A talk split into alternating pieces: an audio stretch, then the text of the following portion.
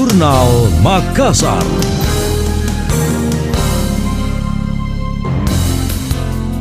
Saya Priscila Rini dalam Jurnal Makassar.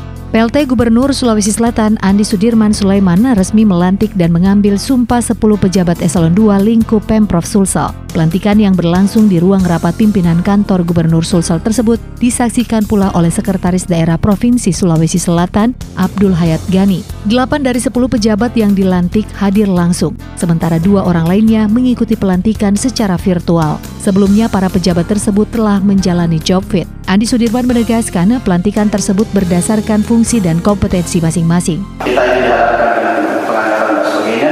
Saya minta tolong semuanya, support semuanya. Dan tolong bantu saya. Karena kalau kita tidak bantu semua, bagaimana saya kemudian bekerja sendiri. Tentu menjadi lihat adalah saya, saya bekerja tidak ada kacamata aku pak karena tidak kusuka tidak.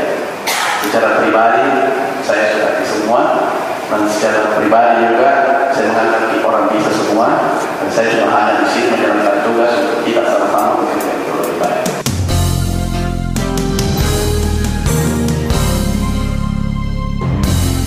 Adi Sudirman menambahkan mutasi akan menjadi analisis ke depan untuk monitoring. Ia pun meminta para pejabat senantiasa bersikap profesionalis, berintegritas, dan amanah. Mengingat masih dalam kondisi pandemi COVID-19, dirinya meminta para OPD berinovasi meningkatkan PAD sehingga tidak hanya mengandalkan APBD. Anda tengah mendengar Jurnal Makassar.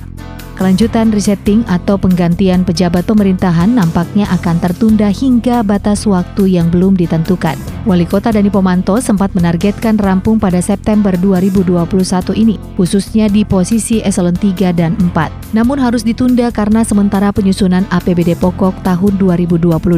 Dalam kondisi seperti ini, tidak memungkinkan untuk mengganti pejabat. Jika dipaksakan, dikhawatirkan berdampak pada penyusunan anggaran. Terlebih, ada batas waktu yang ditentukan. Selain itu, pejabat yang baru tentu harus menyesuaikan diri terlebih dahulu dengan lingkungan kantornya, serta perlu memahami tugas dan fungsinya. Ia memastikan rencana penggantian akan tetap terlaksana, hanya saja menunggu momen yang tepat.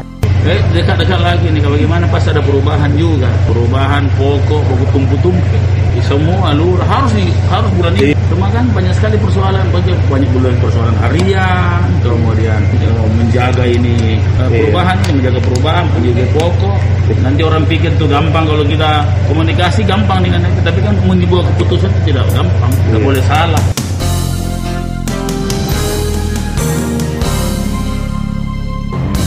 Wali Kota Dani Pomanto menambahkan, kebijakan pergantian yang diambilnya bakal menyasar pejabat di OPD, kecamatan, dan kelurahan. Namun pihaknya enggan membeberkan instansi yang dimaksud.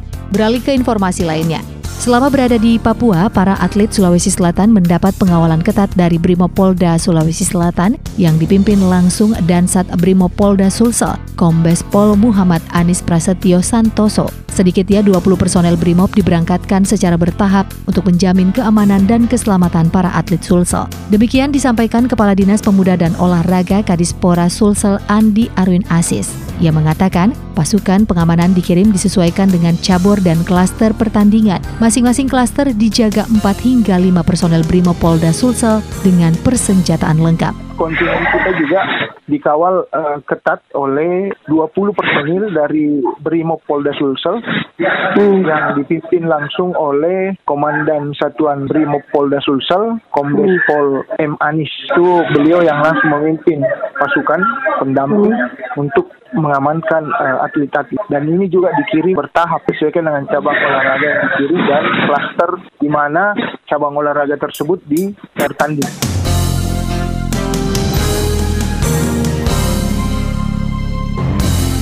Tak hanya itu, pihaknya juga menyiagakan tim medis pada masing-masing klaster. Hal itu dilakukan guna memastikan kondisi atlet tetap fit, baik sebelum maupun setelah bertanding. Sebab menurut Arwin, ada dua ancaman kesehatan yang mengintai para atlet. Selain COVID-19, juga penyakit malaria.